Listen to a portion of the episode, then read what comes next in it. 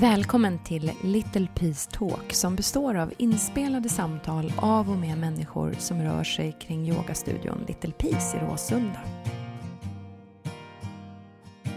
Vet du vilken dosha, alltså vilken personlighetstyp inom ayurvedan som är mest benägen att kunna vinna ett OS-guld? Det svarar Helena Källgren på idag. Helena är journalist, yogalärare med specialisering inom ayurveda, historienörd, teologistuderande och tonårsmamma. Helena tillhör den fasta lärarstaben på Little Peace och idag lär ni känna henne bättre i ett samtal som handlar om fria rum, att dela tystnad, vad hon kommer fram till när hon fördjupat sig i religion och ateism och ni får också en liten crash course i ayurvedans grunder. Helena har nämligen praktiserat på ayurvediskt sjukhus i Indien. Vi pratar också om att sätta ord och skapa mening kring yoga. Är det superviktigt eller är det inte viktigt alls? Välkommen till Sköna Helena och till dig som lyssnar.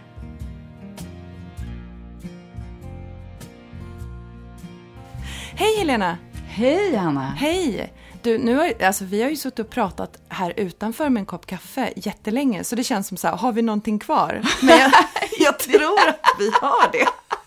Ja, det tror jag också. Ja. Fantastiskt roligt att prata Ja. med dig. Du, du har ju varit på Little Peace sen, nu ska vi se, I höstas. sen i höstas, Ja. precis, det blir en termin Ja. egentligen. Ja. Och jag är så himla glad att vi har fått ihop det. Ja, äntligen. För vi har ju gått en del utbildningar ihop. Och sen så, och liksom våra vägar korsas. Och så bor du ganska nära. Ja. Kul när lärare bor nära. ja, det här känns som mina hemtrakter, verkligen. Ja. Men du, hur, hur går det för dig på studion? Alltså, jag älskar att vara på Little Peace. Det är fantastiskt roligt. Det är verkligen, jag är så glad att Du får den där jobbar 500 sen som jag lovade. Det är så här, ibland känns det som att folk är så glada över studion när de är med i podden så att det känns som att så här, det, det här är, det kan inte vara sannolikt. Liksom. Ja, alltså, jag tycker att det är ett väldigt, väldigt härligt ställe. Det är så. Mm, vi, vi är många som delar den, Ja. den känslan. Lite svårt att sätta fingret på vad det är, men jag tror att det är någonting med, med både rummet och, och människorna som är där. Att det. Och att du alltid påtalar just att det är så viktigt med alla som är där. Att alla är lika viktiga. Ja, men det är de. Och, och det är både lärarna, men det här glömmer ibland eleverna också. Att de håller spacet för varandra. Ja. De håller, även om vi är tysta, praktiserar bredvid varandra med andetaget, så ger jag den bredvid mig tillåtelse till att vara med det som är. Exakt, och vi slåss inte om spacet när vi är i tystnad. Det är något väldigt vackert. Alla är. Ja. Och det som händer omkring oss är fantastiskt. Jag läste, en, eh, jag läste en artikel nu om skolor där man har börjat införa meditation och mindfulness. Och att eh, mobbningen droppar, samtalstonen blir mycket bättre. Absolut. Alltså att det är så mycket som blir eh, mer empatiskt och mer kärleksfullt. Så det är någonting magiskt med att dela, dela tystnad, dela andetag och dela rummet. Ja, och det finns för ibland så tänker man så här att det handlar om andetaget och det man har på insidan av sig. Jag brukar tänka att också att magin är i mellanrummet. Ja. Eh, både mellan det vi säger, mellan andetagen och mellan oss människor i rummet. Att det är något magiskt som händer där. Eh, jag och min sambo började för, eh, ja, svårt att säga när, men det är kanske ett och ett halvt år sedan. Eh, någonting, eh, så började vi med en, en morgonmeditation tillsammans. Och vi märker att när vi faller ur den, om vi av någon anledning inte kan göra den någon morgon, så sätter det oss i ett helt annat läge än om vi gör den. Ja. Och den är inte speciellt märkvärdig. Den, den är mellan en kvart och en halvtimme beroende på hur mycket vi liksom, Eh, ja, när vi sätter oss där. Men att dela den här tystnaden, det är som att vi löser massa saker. Det som är akut liksom annars, det, det löser upp, alltså det är mycket saker som faller på plats av att vi delar den tystnaden. Ja, det är något otroligt fint med det där. Och jag kan tänka, det är ganska få vänner man har, eller ganska få människor som man kanske delar tystnad med. För man råkar ju på att vara så. Jag tjatar jämt om min morfar eftersom han är min Ja. största guru. Men jag kommer ihåg så väl hur vår gemenskap såg ut. Han fyllde, skulle ha fyllt 99 år idag, så därför är han extra i ah, mitt hjärta. idag? Idag. Okej. Och jag kommer ihåg att han var inte en sån som babblade en massa. Jag har alltid varit en sån som vill babbla en massa och analysera. Men det som är så skönt med att vara med honom var att vi kunde vara helt tysta en hel dag i skogen tillsammans. jag minns det verkligen som i ett skimmer, som det jag kan åstadkomma med, i yogan, skulle jag säga. Mm. Men de mötena och den tillvaron med människor, det finns inte så många rum för det. Så det, jag tycker det är fantastiskt. Skapa den möjligheten till det mötet med andra människor Ja. i den här världen. Och med sig själv. Och med sig själv, inte minst. Ja. Men det är lätt hänt att man bara tänker att det är med sig själv, fast det är med andra också. Jag har börjat uppskatta platser som jag upplever som fria. Och jag vet att alla inte upplever de här platserna som fria. Men jag upplever ju kyrkorummet som väldigt fritt. som att det är en plats eh, som jag, jag kan gå in, jag kan sätta mig där en stund i tystnad. Speciellt om jag är inne i stan. Så liksom letar jag gärna upp en kyrka, sätter mig en stund. Ehm, bibliotek har också den funktionen för mig. Det är någonting som är fritt, som är för alla och det är ingen som vill sälja någonting till mig. Nej, För så att i skönt. nästan alla offentliga rum vi har idag så är det någon som vill sälja något. Mm, så sant. Och, och där kan jag tycka, här får jag liksom vara ett litet tag bara. Och jag kan verkligen känna mer och mer att ju mer man börjar ladda batterierna på det sättet ehm, och börjar du utveckla en smak för den återhämtningen så blir du nästan beroende av de där små tysta pauserna. Och dessutom så är det så fantastiskt att det är gratis. Och Ja. tillgängligt för alla. Ja, jag kan känna så här, gud, det är ingen som vill mig någonting här. Nej. Går vi i butiksmiljöer, på torg, um, går vi på bio, går vi på café, liksom allt det som, som är det man rör sig i när man bor i en stad, så är det ju hela tiden någon som erbjuder någonting. Och visst, du kan donera något när du är i kyrkan och du kan låna en bok och du kan även handla något på biblioteket. Så, men det finns, det är liksom okej att gå in där och bara vara. Det Jaha. slår mig nu. Alltså jag, det är klart jag har tänkt på det här tidigare, men jag tycker det låter väldigt vackert att du verkligen gör det. Fast, det, det, det jag, fast jag nästan kravlar mig in för att jag blir, jag blir så trött numera av Jag blir så trött av, ehm, av att gå på stan så att jag kan, ehm, om jag gör det. Ja. Så jag går jättegärna in. Ja. Men vet du vem som har... Ja, nu ska jag... Nu tänkte jag säga, vet du vem som har lärt mig det? Och sen så inser jag att det är inte den personen som har lärt mig det. För att det började med min farmor. Ja. För vi hade så ett par gånger om året att vi, vi skulle gå på stan. Ja. Och det gjorde vi inför jul och så gjorde vi någon gång på våren. Och då hade vi vissa ritualer. Vi gick och tittade på Sankt Göran och draken i Gamla stan. Eh, och så skulle vi gå till pub, för det tyckte farmor var tjusigt. Ehm, och så skulle vi fika på något visst ställe och sådär. Och så skulle vi gå in i Storkyrkan. Ah. Och i Storkyrkan i Gamla stan så skulle vi tända ett ljus. Ja, vad fint. Du vet det där man pröjsar fem spänn eller vad det är. Ah. Och så be- eh, tänder man ett ljus och så tänker man på någon som, som behöver hjälp. Ah. Och det var vår grej. Och farmor var verkligen inte religiös. Men det var liksom en grej vi gjorde. Och det där var så positivt laddat för mig. Det är jättefint. Så jag tycker om att gå in och göra det där. Ah. Och sen hade min son några år, när han var liten, det har gått över kan jag säga, men där han var tokig i kyrkor. Ja. Så då ingick det mycket i hans, när han växte upp, att han ville in i kyrkan. Han Ja. tyckte bara wow, så här. Men jag tänker på de här andliga byggnaderna, både kyrkor Ja. eller tempel eller att det är byggt för något, på något sätt för att öppna upp det existentiella som finns inom oss. Och att barn som inte är så inne i bruset från världen runt omkring, att för dem är det så direkt självklart Att det talar till... att det den- talar, ja. För, eh, vi, vi laddade med så himla mycket förutfattade meningar som vi projicerar så att vi, för oss är det inte lika lätt kanske att gå in i en ja, religiös byggnad då, som man skulle kunna säga. Eh, för många är det inte det i alla fall. eh, Att det finns ett motstånd så fort det har med religion eller Gud att göra. Ja, Men för, det- för vår föreställning om det står i vägen På för grund av upplevelsen. Ja, Ja. precis. Och det är så sorgligt, för vi har ju alla ett existentiellt... Eh, ehm, alltså någonting som vi delar med alla människor på den här jorden Mm. och som eh, vi borde ge utrymme för, för det är något väldigt vackert. För vi måste, vi måste ha en plats för det. Liksom. Ja, Det är ju... ehm, och det finns ju massa möjligheter. Det finns massa tomma kyrkor att gå in i. Mm, verkligen. Och de är ju byggda för, för att vi ska komma i kontakt, alltså komma ifrån vårt lilla jag, vårt Ja. lilla ego och komma in i känslan av ah, och det är något annat liksom. Ja, och det är något otroligt vackert. Ibland kan jag tänka också kyrkor, det är så laddat med...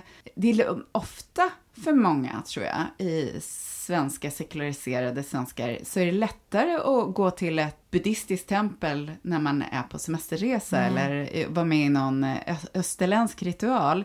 För att kyrkor är så laddade med en massa traditioner som mm. egentligen inte har med det fantastiska som också är i att det faktiskt står för kärlek. Det är kärlek som kärnan i kyrkan, precis mm. som compassion, medkänsla i buddhismen. Liksom. Mm. Kan vi inte bara samla ihop alla de här uh, otroligt fina pusselbitarna som en del av mänsklighetens essens mm. och uh, bejaka det liksom, istället för att förneka oss själva. Men att du, öppna upp för det, tänker jag. Ja, och, och, att det är, ju, det är ju så mycket mer som är samma än som är olikt. Ja. Men du har ju, du har ju börjat plugga teologi, eller yes. hur? Yes. Berätta. Ja, men det är ju just på grund av det här, för jag kan inte se någon... Jag, jag tänkte så här, varför ska... Jag, alltså jag har alltid varit intresserad av religion. Jag tycker alla religioner, jag tycker det är superintressant och spännande. För att jag är så intresserad av människor och det vi delar med varandra. Mm. Eh, jag är också intresserad av det som är olika hos oss, men ändå just det här, de här existentiella frågorna. Och så har jag tyckt att det, som yogalärare, har jag tyckt att det är så fascinerande att jag gör så mycket buddhistiska och hinduistiska saker som, som kommer från helt som andra traditioner än den kristna som vi ju är uppvuxna i här, mm. hur sekulariserad vi ens anses att mm. vi är. Mm. Och så tänkte jag att men någonstans i grunden föddes religionerna ur samma kärna i samma tidevarv. Mm. Människor började eh, hålla på med handel och blev plats för fler människor att tänka på det andliga och utvecklades till religioner. Men utifrån egentligen samma kärna inom oss som jag tror att vi alla delar. Mm. Jag vill hitta det som förenar oss. Mm. Och jag tänker att oavsett om man ser på Gud som en eller om man ser att Gud eh, finns i allt och alla oss, vilket jag är övertygad om, som ett, eh, en essens som är fantastisk, det som är bra inom oss, som vi kan plocka fram. Det är i alla fall en tanke som har vuxit upp i olika delar av världen samtidigt mm. och bara tagit sig olika form. Mm. Jag tror jag har sagt det här förut i den här podden och jag, eh, det är KG Hammar som jag har sagt att vi... vi eh, Klok man. Ja, och, och, och, och, väldigt modig skulle jag vilja ja, säga. Verkligen. Som har sagt att vi måste befria Gud från religionen. Och att Gud är ingenting annat än många människors samlade erfarenhet av någonting. Och det är där, ja men precis. Det är väldigt fritt. Och, ja, det är väldigt fritt. Nu studerar ju du religioner. Jag kan känna att jag är väldigt nyfiken på Gud som kraft. Och nu, jag känner att jag till och med värjer mig för att säga Gud för att jag vet att det slår an så mycket olika saker mm. i folk. Men jag är väldigt nyfiken på den rena potentialen, den kraften och den um, kärleken som står bortanför våra tankar och våra idéer om saker och ting. Den kraften är bortanför våra idéer om religion också. Den är fri, liksom. Den är jag väldigt nyfiken på. Däremot är inte jag jättenyfiken på religionerna. Och det har tagit mig lång tid. Jag har tänkt att jag har varit väldigt intresserad av olika religioner. Men jag är nog faktiskt inte det. Utan jag är nog intresserad av det som jag är jävligt nyfiken på Gud helt enkelt. Men vet du vad? När du säger det där, då tänker jag så här. För mig är det inte en motsättning. Nej. För att eh, det, det, handlar ju så mycket om vilket tidevarv, vilken miljö. Jag har ju pluggat en massa historia också mm. på universitet tidigare. Jag är kulturvetare. Ja, men du är beläst till skillnad, till skillnad och, från mig. Jag bara freestylar. Och bara kolla vilka miljöer växer de här mm. olika tankegångarna upp i. Mm. Och hur mycket hur det sedan präglas av den tid det lever i och vilka behov som finns. Mm. Men själva essensen där är ju ändå ett möte med eh, något större mm. som sedan tagit sig olika uttryck beroende på de behov som har funnits just där och just då. Mm. Och sen så har det ju alltid va kunnat vara människor med olika maktanspråk som har tagit till sig en religion och använt det på olika sätt. Så vi har ju sett dåliga exempel. Men i grunden så finns det ju en längtan efter att skapa rum, precis som jag tänker när man skapar ett yogarum som Little Peace, att skapa ett rum för det existentiella i människan och mm. mötet med, många sekulariserade människor slår bakut när man säger Gud, men om man mm. säger någonting större, mm. och skapa rum för det, ja. det tror jag är ett mänskligt grundläggande behov. Sen tror jag vi mår väldigt bra när vi kliver ur dels vårt vardagliga liv, våra vardagliga funderingar och sysslor. Och vi mår väldigt bra när vi separerar oss själva från vårt ego och att allting handlar om mig, mig, mig, jag, jag, jag. Ja. För att det här med att, att det finns något större kan ju också låta som att man liksom längtar till något annat. Men för mig är det också att, att förflytta mig från eh, självcentreringen. Ja, och vi lär oss någonting också om oss själva när vi studerar. Och nu tänker jag på när jag studerar religioner nu och hur de har utvecklats till exempel. Eller när man studerar någonting som har hänt i andra människor. Vi kan ju aldrig, kan aldrig få fram fakta, vi kan aldrig flytta oss till någon annan än vi är ändå från vårt perspektiv.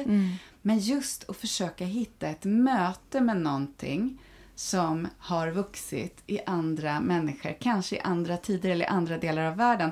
Många säger så här, man ska resa och möta människor från alla platser för det är det som berikar oss. Och jag tänker ibland, en resa inåt eller bakåt, alltså jag är så otroligt historieintresserad också, men en resa bakåt i tiden eller en resa inåt i oss själva är också att skapa möjlighet till möten med människor från andra tider, men vi kan aldrig vara dem. Precis som om vi åker till Thailand eller Indien och träffar fantastiska människor där, så kan, vi kommer aldrig bli dem ändå, utan det magiska händer ju i mötet med det där. Tycker du nu efter att du har liksom börjat fördjupa dig i, i religion, tycker du att religionen får oförskämt mycket skäll? Eh, jag har bestämt att jag tänker inte försvara någonting, för jag känner att det finns ingenting att försvara, men jag tycker att det Ibland så känns det som det är väldigt mycket okunskap. Många slänger sig med sådana här saker som att det är religionen som startar alla krig och det blir bara bråk. Medan om man ser under 1900-talet så de största katastroferna och mass- massutrotningarna av människor kommer ju från två ateistiska rörelser, liksom kommunism och, och nazism. Så att det, man kan inte hålla på och slänga sig med att det är religionen som skapar, utan det är ju vi människor som formar våra egna argument för att slå på andra. Eh, och det använder vi de redskap som står till buds för. Men det är ju inte... Eh, sen så religion, det begreppet används ju lite olika också. Eh, så att det blir problematiskt. För mig är det ju det du pratar om, är ju religion. Det här med bara någonting som är större än oss och kliva utanför ego. För det, det är ju något, något större, något, är andligt. Det, för mig blir ju liksom religion redan där.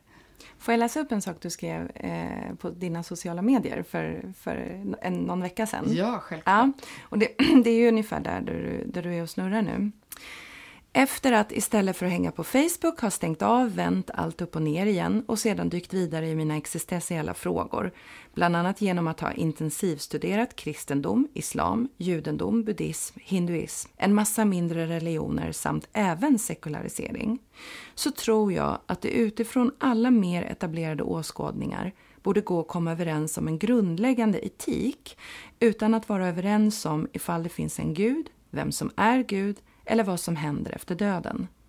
Tyvärr älskar många sekulariserade människor fortfarande att säga att det främst är religion som skapar krig, trots att det faktiskt var två ateistiska åskådningar som stod för 1900-talets största massutrotningar.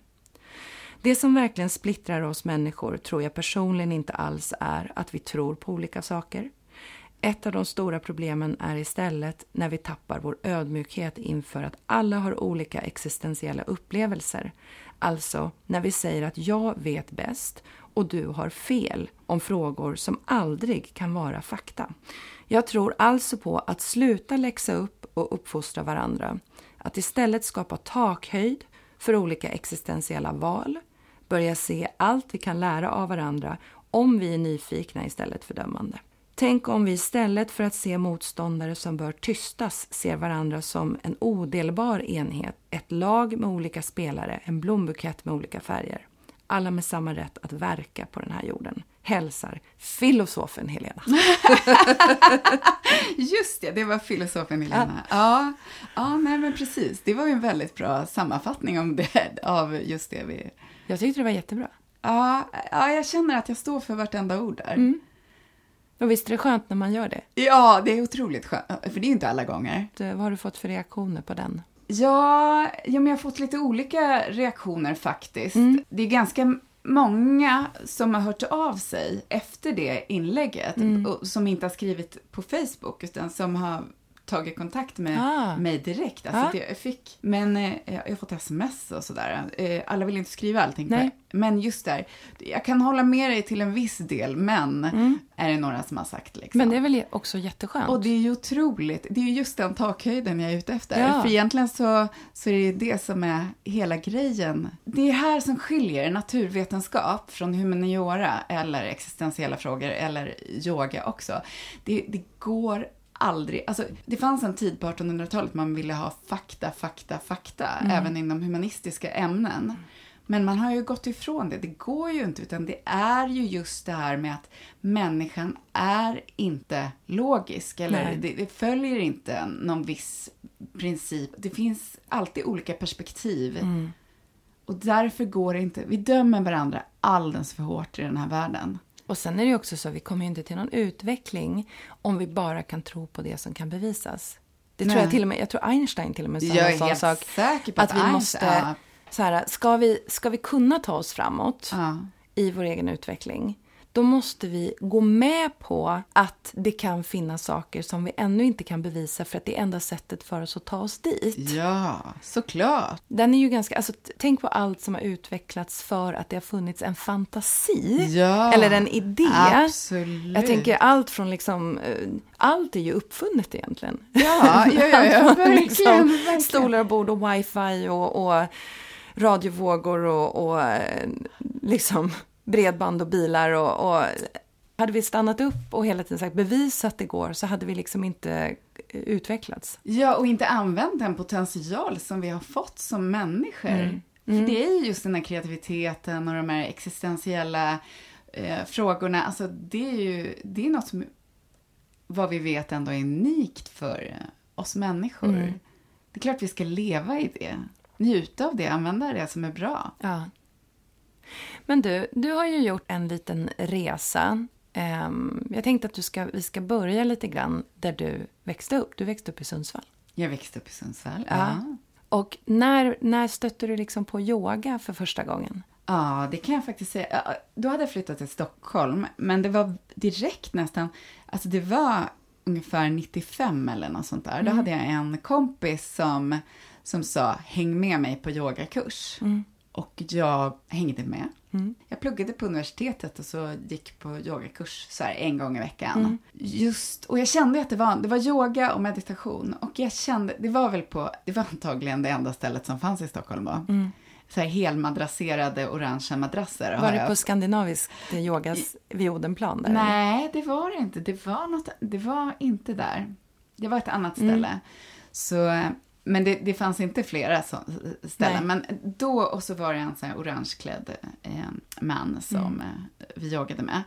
Och med skägg. Och eh, jag kände då att det här har någonting. Mm. Jag har alltid varit intresserad. Alltså jag, när jag sökte till att börja plugga på universitet så sökte jag faktiskt teologi också. Mhm. För jag, jag har alltid varit intresserad, men jag tänkte jag kan ju inte bli präst, vad ska jag bli liksom? Men jag var väldigt intresserad av Ja, det just här det. redan. För då var det ju de åren där man pluggar för att man, man vill liksom... Man ska ha ett jobb Man ska liksom. ja. Och då blev jag ju journalist istället då. Mm. Eh, Men, så jag var ju nyfiken. Men då var jag, jag, jag tyckte att det var lite för alternativt för mig då. Ja. Jag kunde inte riktigt eh, gå in i den miljön och hitta min community, Nej, om du det. förstår. Ja. Som jag har hittat på senare år eh, när jag har yogat. Det har hänt så otroligt mycket med yoga. Exakt. För Det- mötte inga, liksom, vi var inte många i min ålder eller som höll på med samma Mm. sak. Så vi hittade ingen, jag hittade ingen naturlig gemenskap där, då, förutom min fantastiska kompis som Mm. fick med mig dit. Men jag kände alltid att det var någonting där, så jag har alltid haft det som en eh, sån här grej som jag känt att det här Mm. är också för mig.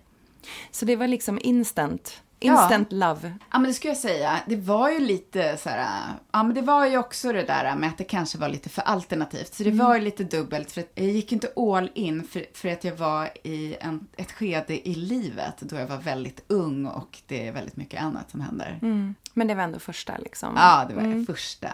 Och sen då? Hur, hur utvecklades det? Jag hade en period i livet då jag var väldigt ambitiös och eh, det var innan begreppet eh, att man har gått in i väggen ens fanns. Mm. Men jag gick ju verkligen in i väggen på 90-talet mm. och eh, jag pluggade, jobbade och gjorde allt samtidigt. Och eh, det var ju då jag verkligen sökte mig till meditation mm. och kände att jag behöver redskap för att hantera livet. Mm. Så då var det först meditation, sen så jag testade tusen olika meditationstekniker och inte varit så trogen någon. Mm. Men jag visste någonstans att det var lösningen och jag är så glad för alla galna meditationer jag har gått på, för det det är det som har fått mig att komma djupt i yogan. Ja. För yogan var en lite längre resa för mig och det var liksom lite fokus ändå på asanas och positioner och var mm. hittar jag meditationen i det här? Så att praktisera ganska eh, mycket meditation i perioder gjorde att min yoga, du vet när man direkt hittar in i kroppen och förstår andningen, mm. var väldigt bra att ha den vägen också, det redskapet också. Mm. Vad häftigt. Sen så utbildade mig till yogalärare, det, ah, vilket år var det då? Ja, 2012 you tell kanske. Me. ja, så, och det var inte för att bli yogalärare jag utbildade mig till yogalärare, utan det var mer för att det, jag hittade ingen rejäl, gedigen yogautbildning som inte gick emot att det var en yogalärarutbildning. Men jag tänkte mm. så här, jag gör det här, jag vill, jag vill veta mer om mm. det här och eh, fördjupa min praktik. Och så sen så, när man sedan har erfarenhet och, och kunskap, då känner man, jag kan inte sitta inne med den här kunskapen som jag vet att så många fler skulle må bra av, så då vill jag ju dela det. Jag tror att det där är väldigt vanligt. Och så att man har gjort någon slags resa själv som man har mått väldigt bra utav. Ja. Eh, då vill vi ju dela det. Ja. Det finns ju också ett litet eh, bakslag med det där. Och det är ju att ganska många som håller på med yoga under en period, förhoppningsvis bara under en period, blir lite så pain in the ass för sin omgivning. Ja, för, att man, exakt. för att man mår så jävla bra och så vill man att alla andra ska må så bra.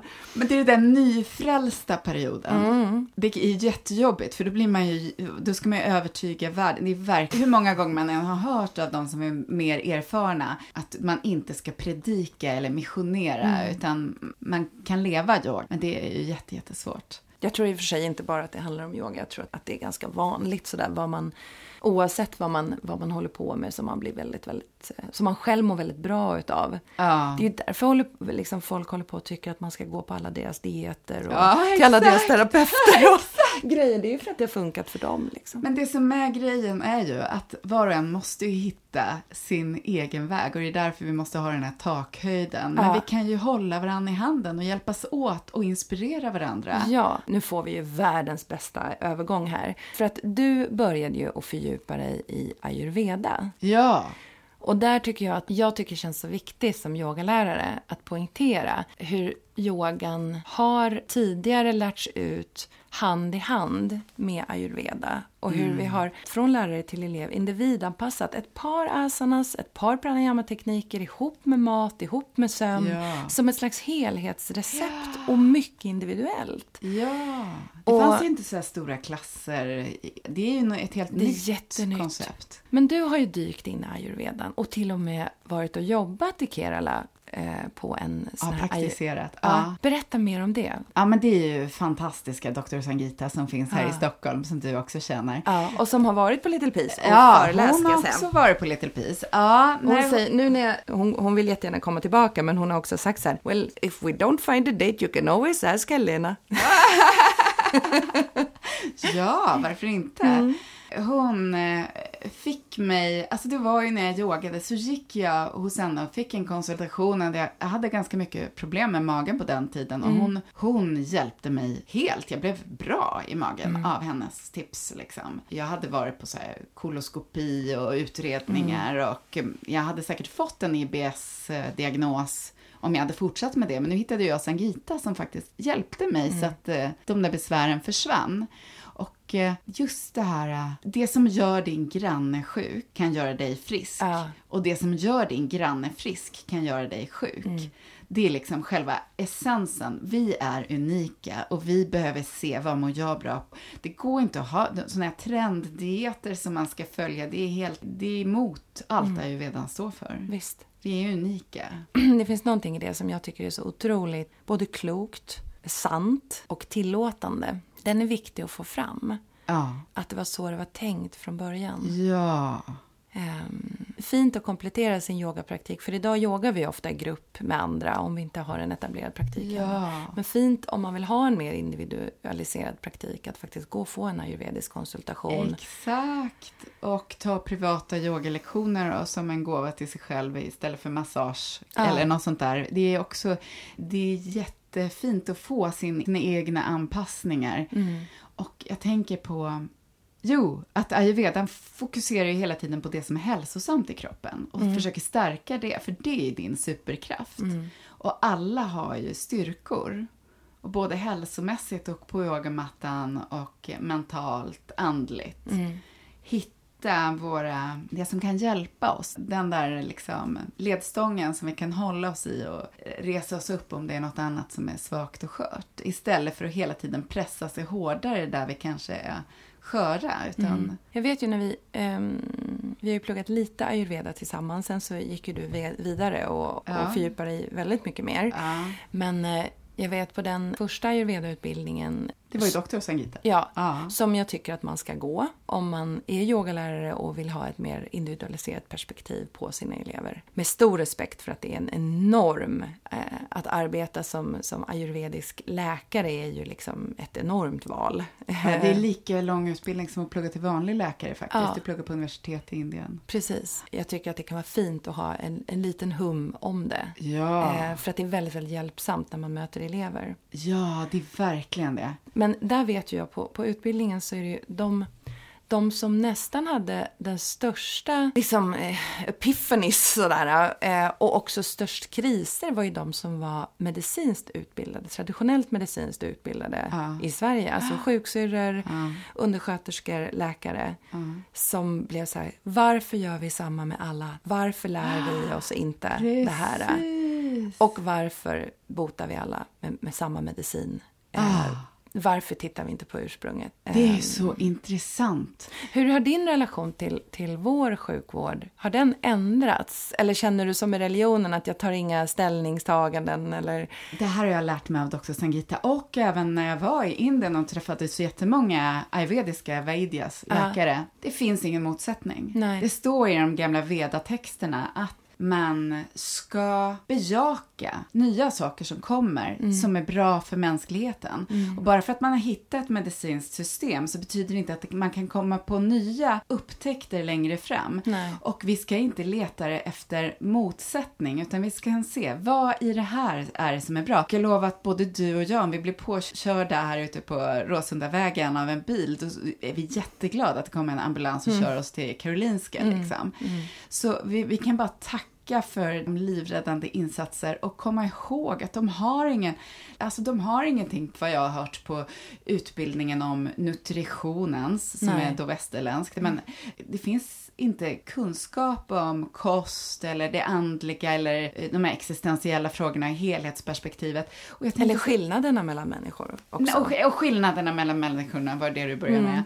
I Indien så var det så att Ja, men om du har IBS och går på ett indiskt sjukhus eller om du är cancerpatient och får en eh, cancerbehandling, då kan de ändå skicka dig till ett ayurvediskt sjukhus också för att stärka upp matsmältningssystemet. Mm. För det finns ingen bra system för det i västerländsk vård. Men Nej. däremot så vet de att det här kan de ayurvediska läkarna fixa det jättebra. Ingen Ja. motsättning. Nej. Ta det bästa av två världar.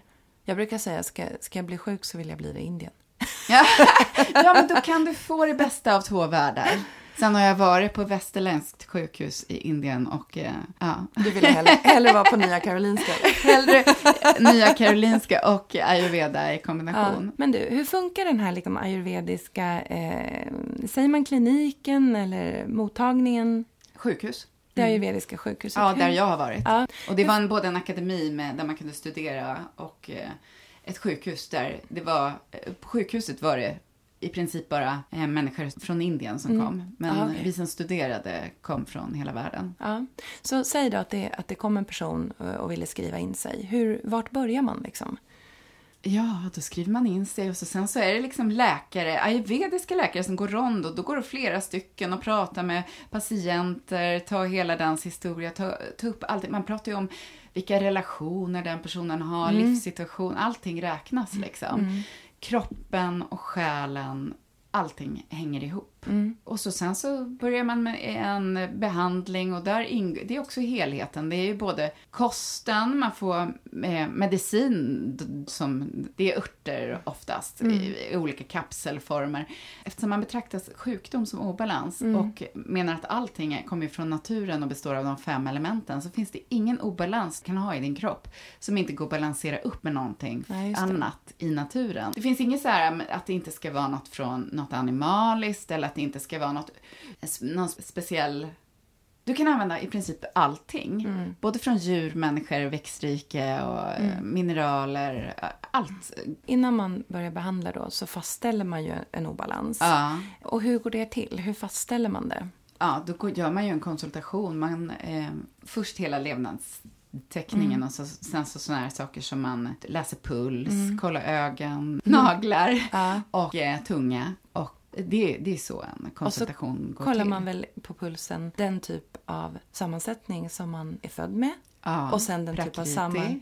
Och sen vrikriti, den Ja. som, som, eh, som är nu. Ja, exakt. Det är med obalanserna. Så då kan man fastställa vad det är man har Det. obalanserna i. Ja. För det man vill komma åt är ju sin grundkonstitution. Man vill Mm. hitta den unika personens superkrafter. Och de ligger i grundkonstitutionen. Så när man pratar om balans, så balans är inte samma för olika människor. Utan man har alltid sin egen konstitution med olika delar av de Mm. Just det. grundelementen. Och sen det jag tycker är fascinerande med, med ayurvedan att det kan ju vara så oerhört konkreta saker som tar en från sin balans.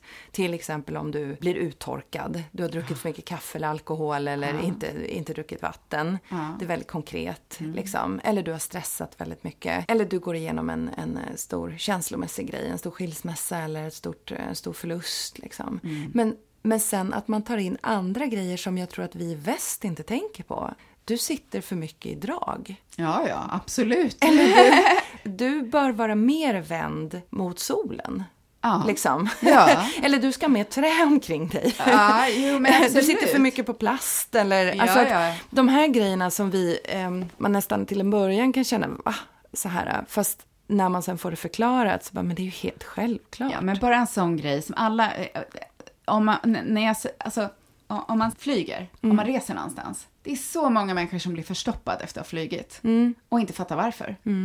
Men det är ju för att det är så mycket luftelement och det blir så mycket torrt. Det ökar det som man kallar vata inom ayurvedan. Och man måste balansera upp det om man ska må bra. För att vata, vi är ju högst uppe i luften, så långt från grundning och det blöta och trygga som vi kan komma. Och, och samtidigt om vi liksom inte tar oss upp från soffan, liksom, att vi kan behö- då kan vi kanske behöva lite drag, lite Ja. fysisk eh, yoga eller någonting som får fart på energierna igen. Liksom. Men du, för den som är helt ny för det här med ayurveda, vad, vad, som, som inte vet vad vata är för någonting, skulle du bara vilja, vilja dra de här tre doscherna? Ja, Och, och vi ska ju säga också då att enligt ayurvedan så finns det tre stycken kvaliteter där olika karaktärsdrag och olika typer av eh, naturliga beskaffenhet lägger sig under. Och vi är sällan en sak, utan vi är ofta en kombo. Jag ser det nästan som reglage eh, som vi liksom skruvar på. De här reglagen är lite i flux hela tiden. mm, exakt. Men vill du, be, vill du beskriva vata, Ja. kaffa och pitta för den som, inte, som det är helt nytt för? Ja, men det, är det, här är, det här är ett budskap jag vill ha ut till världen, verkligen. För att vata, det är ju då, och just det där var jättefint med reglagen, för vi har ju alla kvaliteter i oss. Alla har allt. Allt levande på den här jorden har alla kvaliteter i sig. Så att det, det finns ingen som är utan kaffa eller Nu så. måste jag sticka in en fråga som min son ofta gör när man påstår saker. Även Donald Trump. Ja. Ingen är hopplös. Faktiskt inte. Och, och, och, men man kan ju ha väldigt mycket obalanser. Ja, ja. Men om, om vi börjar med Vata. Vi börjar uppifrån. Vata, det är den doshan som innehåller luft och rymd. Mm. Och det är liksom rymden, det är utrymmet. Medan luften, det är rörelsen. Mm. Det här är torrt, kallt, högt, lätt, snabbt. Saker rör sig snabbt där. Det finns mycket plats helt enkelt. Vata kan vara att man är en person som har mycket idéer, en person som har, eh, gillar att dansa ena dagen och gå på yoga nästa dag, jobba på reklambyrå på dagarna och hinner träffa vänner på kvällarna. Det är mycket flexibelt, härligt, som en fjäril som hoppar runt bland alla fina blommor och härliga saker i den här världen. Eh, nästa dosha, ja, och, och vata kan också vara till exempel bubblig mage och eh, oregelbunden, eh, om, man pratar ju jättemycket bajs, det kanske man inte får göra. Klart man får.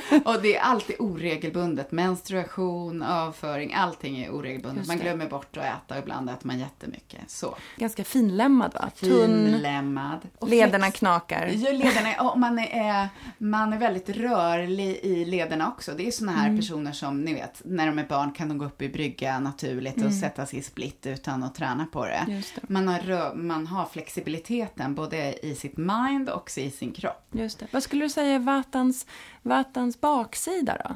Att man är skör, att eh, det är väldigt flyktigt, att man Mm. inte är så grundad.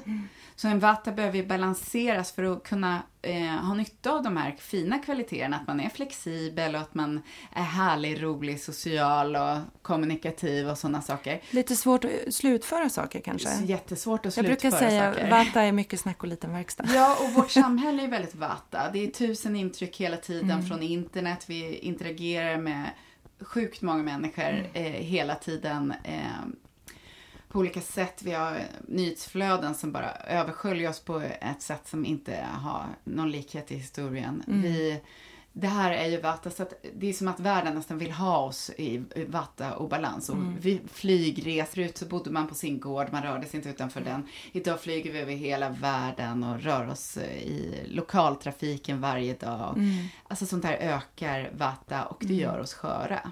Och mer splittrade och, Och mer förvirrade. splittrade, ogrundade. Just det. Nästa då? Ja, Pitta. pitta. Där har vi elden. Mm. Det är hett och explosivt och vatten. Man kan tänka sig mer som olja. Du vet när man hä- häller olja på elden så bara fa, blir det ändå större låga. Det här är väldigt hett. Det är, om vi säger att det är en människa så är det temperament. Matsmältningen går fort. Det här är matsmältningselden brukar man prata om. Eh, eh, det är de här syrorna i magen som bryter ner maten. Det handlar om transformation. Det är Pitta som sitter där med kalendern och eh, gör en struktur. När Vata kommer med idéer om det här vill jag göra. Jag vill starta den här yogastudion eller jag vill ha det här projektet. Då sitter Pittan där. Okej, vilka personer behöver vi anlita för att det ska kunna genomföras? Vad, vem behöver vi hjälp av? Vilken utbildning måste vi ha?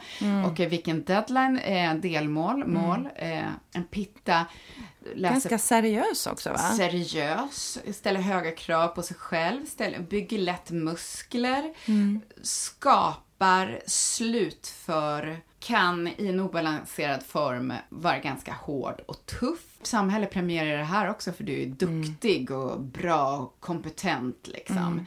Och eh, en obalans man kan få eh, av pitta det är ju utbrändhet. Du bara, vi kör för hårt. Många chefer är pitta eller har mycket pitta.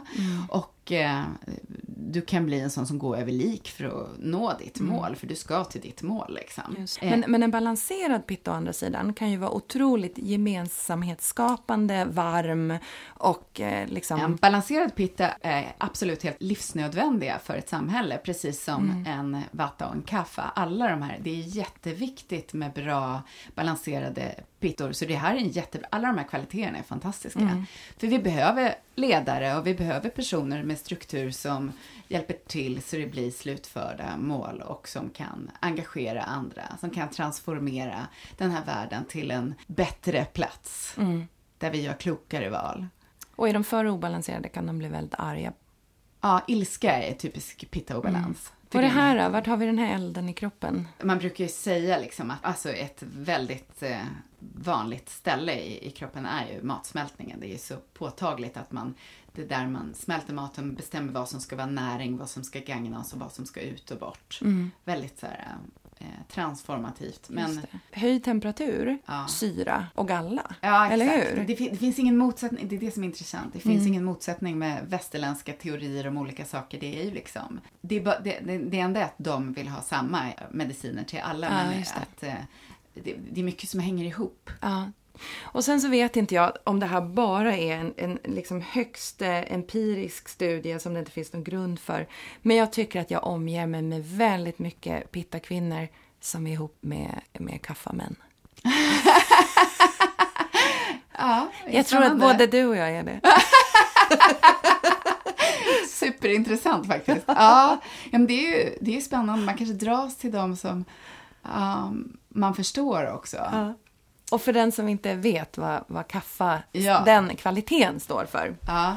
Eh, kaffe, det, då är vi ju, nu är vi på väg neråt då. Jo, Och då ska vi säga, inte på någon slags prispall. Nej, nej, nej, det- nej, nej, nej. Men nu menar jag från, från luften och rymden när vi är på väg ner på marken. Mm. Precis. Så här har vi då Det är liksom inte sämre att vara kaffa. Nej, nej, nej, nej, nej, verkligen inte. I Indien är det det bästa du kan vara. Ja. Alltså det här är ju väldigt, väldigt mycket egenskaper som vi behöver mer av i vårt samhälle. Mm. Som vi ska värna och eh, stärka i oss själva. Mm. Eh, de flesta av oss. Och eh, det är vatten och jord. Mm. Där man sår frön, grunden. Det är, här, det är liksom moderjord, det är det här den stora famnen. Det är kallt och vad blir det om man blandar jord och vatten? Geggamoja. Geggamoja. Hur är det att ta sig fram i geggamoja? Jobbigt. Ja, det är jobbigt och det går långsamt. Mm. Här är det lugnt, mycket fokus på att laga goda grytor. Mm. Ägna sig åt hobbys som att sticka och vara den där moderliga, oavsett om du är man eller kvinna. Det går, det är, det är väldigt mycket på rutin för en, en kaffeperson blir sällan sjuk. En vata-person blir fort sjuk, fort frisk. Mm. En kaffeperson är tvärtom. Tar lång tid innan en kaffeperson blir sjuk, för de är så himla stabila. Större i kroppen, rejälare liksom i benstomme, muskler, allting.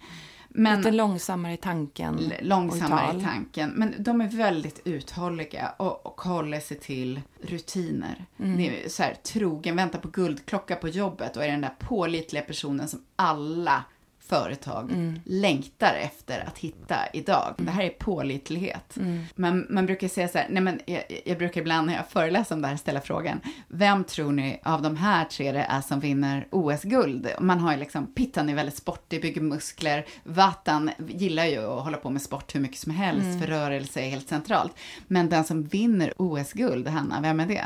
Är det kaffe? Ja, det är faktiskt kaffan. För att om en kaffa verkligen får in i rutin Ja. att träna, då är det ju kaffan som kommer att göra det Mm. varje dag, som aldrig bryter en rutin. Det är också kaffan som har kroppen som håller, Mm. som är född naturligt med starka muskler. Alltså, eh, vatten går ju sönder och pittan går också sönder sen, liksom bränner liksom, alltså Mm. Lättare. Men du, som sagt, man behöver ju alltid, man behöver ju väcka sin vinnarskalle, Mm. även om man är en kaffa, för att verkligen ta sig till toppen såklart. Du behöver ju alltid vara i balans med de tre doshorna. Men just kaffa som grundkonstitution är väldigt bra. Jag tänker Ja. inte, inte slås ur så, så lätt, alltså vid motgångar heller. Det är lite som en så här ardenner som bara kör på. Ja. Liksom. Ja, Den bara sätter en fot framför den andra oavsett. ja, och fortsätter. Och å andra sidan den som tycker att det är skitjobbigt när chefen säger att nu ska vi omorganisera. Ja, ja, ja, ja, går inte. Nej, precis. Så att det, det finns ju både, eh, alltså, Och sen är vi ju eh, som sagt nästan alltid en mix utav de här tre. Det är Precis. väldigt sällan vi är en renodlad pitta, en renodlad kaffa. nej, och Ehm, man har ju alltid alla tre. Ja.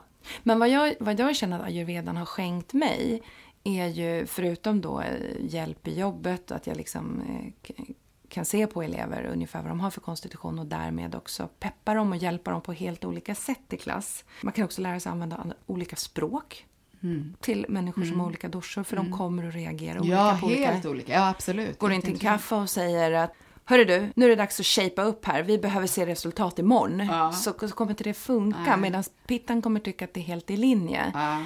Kaffen behöver du tilltala på ett annat sätt. Ja. Använda andra metaforer och så. Men det det ger mig är ju en en slags förståelse och fördragsamhet över våra olikheter och verktyg att kunna liksom möta de människor jag har omkring mig. Jag kan se, vi är tre väldigt olika dominerande doser i det här hemmet. Och ju, jag kan ju ändra lite vad jag lägger upp på tallriken till exempel till min son mot vad jag själv tar. Jag ser att min man mår jättebra av grejer som jag själv skulle bli helt väck om jag åt för mycket av. Medan han blir bara normal. Liksom. Äter, äter jag en chili så kommer jag antingen behöva dansa eller sätta igång ett gräl. Äter han en chili blir han bara normalalert. Liksom. Ah, jag fattar, jag fattar. Att, Men det är ehm, lite smart att ha de här kunskaperna. det är Ja. det. Det blir lite som familjens häxa. Ja, Gör sina små brygder. som verkar i det tysta. Ja. Ja. Kan du känna det i din familj? För du har ju två barn. Ja, Ja. hela tiden. Alltså två det här är- tonårsbarn va? Ja. Mm. Eh, De är eh, 13 och 18 år. Ja, eh, hela tiden. Jag tycker det här har varit helt jätteanvändbara kunskaper. Mm. Och hur vi reagerar. Alltså man tar en kaffe som kanske vill ha en vän och Mm. blir den då jättebra kompis med en vata som vill ha tusen vänner. Mm. Och så då kan kaffan tolka det som att vatan inte vill vara kompis med Ja, den för att den vill ha många andra kompisar också. Alltså, ja. För de har så olika sätt att hantera världen på. Fast eh, vänskapen kan egentligen vara lika fin från båda håll. Det är bara att den eh, tar sig liksom olika uttryck och då kan man missförstå varandra och ibland bli ledsen. Liksom. Mm. Och det är lite det, det är lite bra att bara ha i bakhuvudet. Att en pitta kanske inte är så sträng eller menar något illa för de låter lite sträng och lite väl på liksom. Ja, men precis. Jag tycker att det ger mer förståelse och fördragsamhet för Ja. våra olikheter. Ja. Snarare än att vi säger att den där människan är bara arg och kolerisk och den där är lat. Nej men precis, Och alla de här egenskaperna är ju på något sätt viktiga. Ja, men du, tiden är lite så här emot oss. Jag skulle vilja prata mycket, mycket mera. Hur känner du att din liksom relation till allt det här, du har din meditationspraktik som gick över i asanas och som, eh, så kom det här benet med ayurvedan in. Och sen har du också en stor passion för att skriva och du läser teologi. Ja. What's next? jag vet inte. Just nu känns det som att jag lever i drömmen. Allting. Det roliga är att allting... Jag kommer ihåg redan min lärare när jag slutade nian sa att ja, du, du kan bli väldigt mycket Helena, men du måste bestämma det. Och jag är nu 45 år och har fortfarande inte bestämt mig. Jag, jag älskar allt jag gör just nu lika mycket. Ja. Så, och jag tycker allt hänger ihop. På en viss nivå så ser man ju hur allting hänger ihop. Då finns det inte längre ämnen eller, eller vi eller dem. Eller, det tycker jag också på, det, det är väl en sån här aha-grej som många får på, på universitet kanske. Ja. Att, att många ämnen faktiskt går in i varandra Ja. och att det plötsligt blir, Ja. blir väldigt intressant. Det finns beröringspunkter. Och på yogamattan Ja. märker man det också. Det här med beröringspunkter och ord och yoga. Kan du känna att du, nu ska jag försöka ställa den här frågan utan att lägga orden i munnen på dig. Ehm, jag vill så gärna försöka hitta de där orden och försöka att skapa mening kring yogan. Så att yogan inte bara blir något slags koncept och begrepp utan att det blir relevant oavsett om jag har räddningstjänsten framför mig eller ett gäng förskolepedagoger så um, skulle jag vilja hitta relevansen för dem.